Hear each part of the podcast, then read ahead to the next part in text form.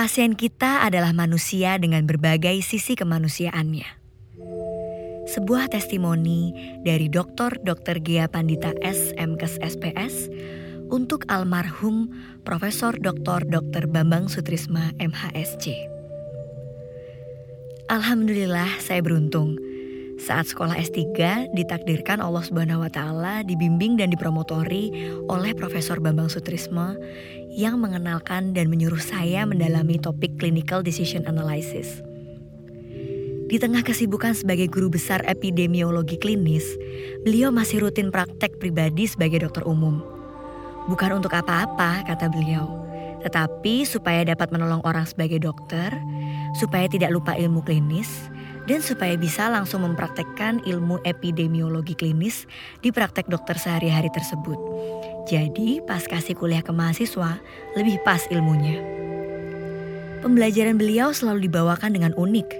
Jika ada yang harus saya pelajari, beliau tidak langsung memberikannya begitu saja.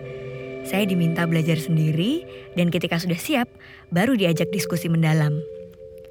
Mungkin beliau paham kalau langsung diajari, saya akan malas mencari bahan-bahan dan belajar sendiri. Apalagi saya praktek setiap hari di rumah sakit. Jadi kalau tidak dipaksa, pasti hanya punya waktu sedikit untuk belajar. Pernyataan-pernyataan beliau selalu membuka wawasan. Di antaranya yang sering diulang adalah sebagai berikut. Meskipun di epidemiologi klinis banyak pakai angka-angka statistik, tapi cara kita membaca angka-angka itu harus dengan intuisi sebagai klinisi. Jangan terjebak menangani pasien hanya berdasarkan indikator-indikator angka saja. Pasien kita adalah manusia dengan berbagai sisi kemanusiaannya.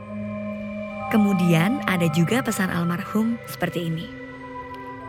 Pasien-pasien kita itu manusia yang utuh. Masing-masing punya ciri khas. Kalau kita bisa menerapkan clinical decision analysis dengan baik, kita sudah menerapkan personalisasi evidence-based medicine. Itulah bentuk penghargaan kita kepada mereka.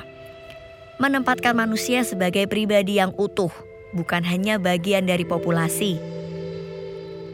Nasihat-nasihat beliau juga selalu memiliki makna mendalam. Beberapa yang selalu saya ingat antara lain adalah kalau tanya umur pasien, coba sekali-kali tanya berapa detik umur mereka.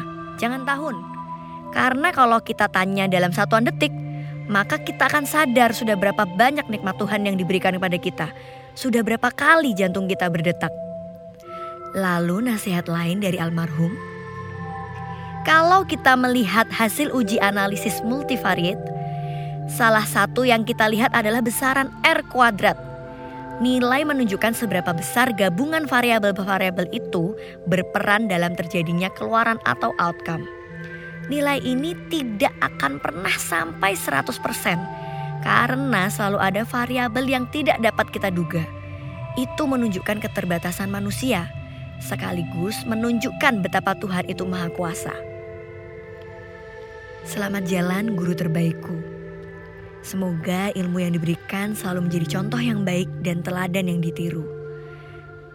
Barang siapa mengajarkan suatu ilmu, maka dia mendapatkan pahala orang yang mengamalkannya, tanpa mengurangi pahala orang yang mengamalkannya sedikit pun.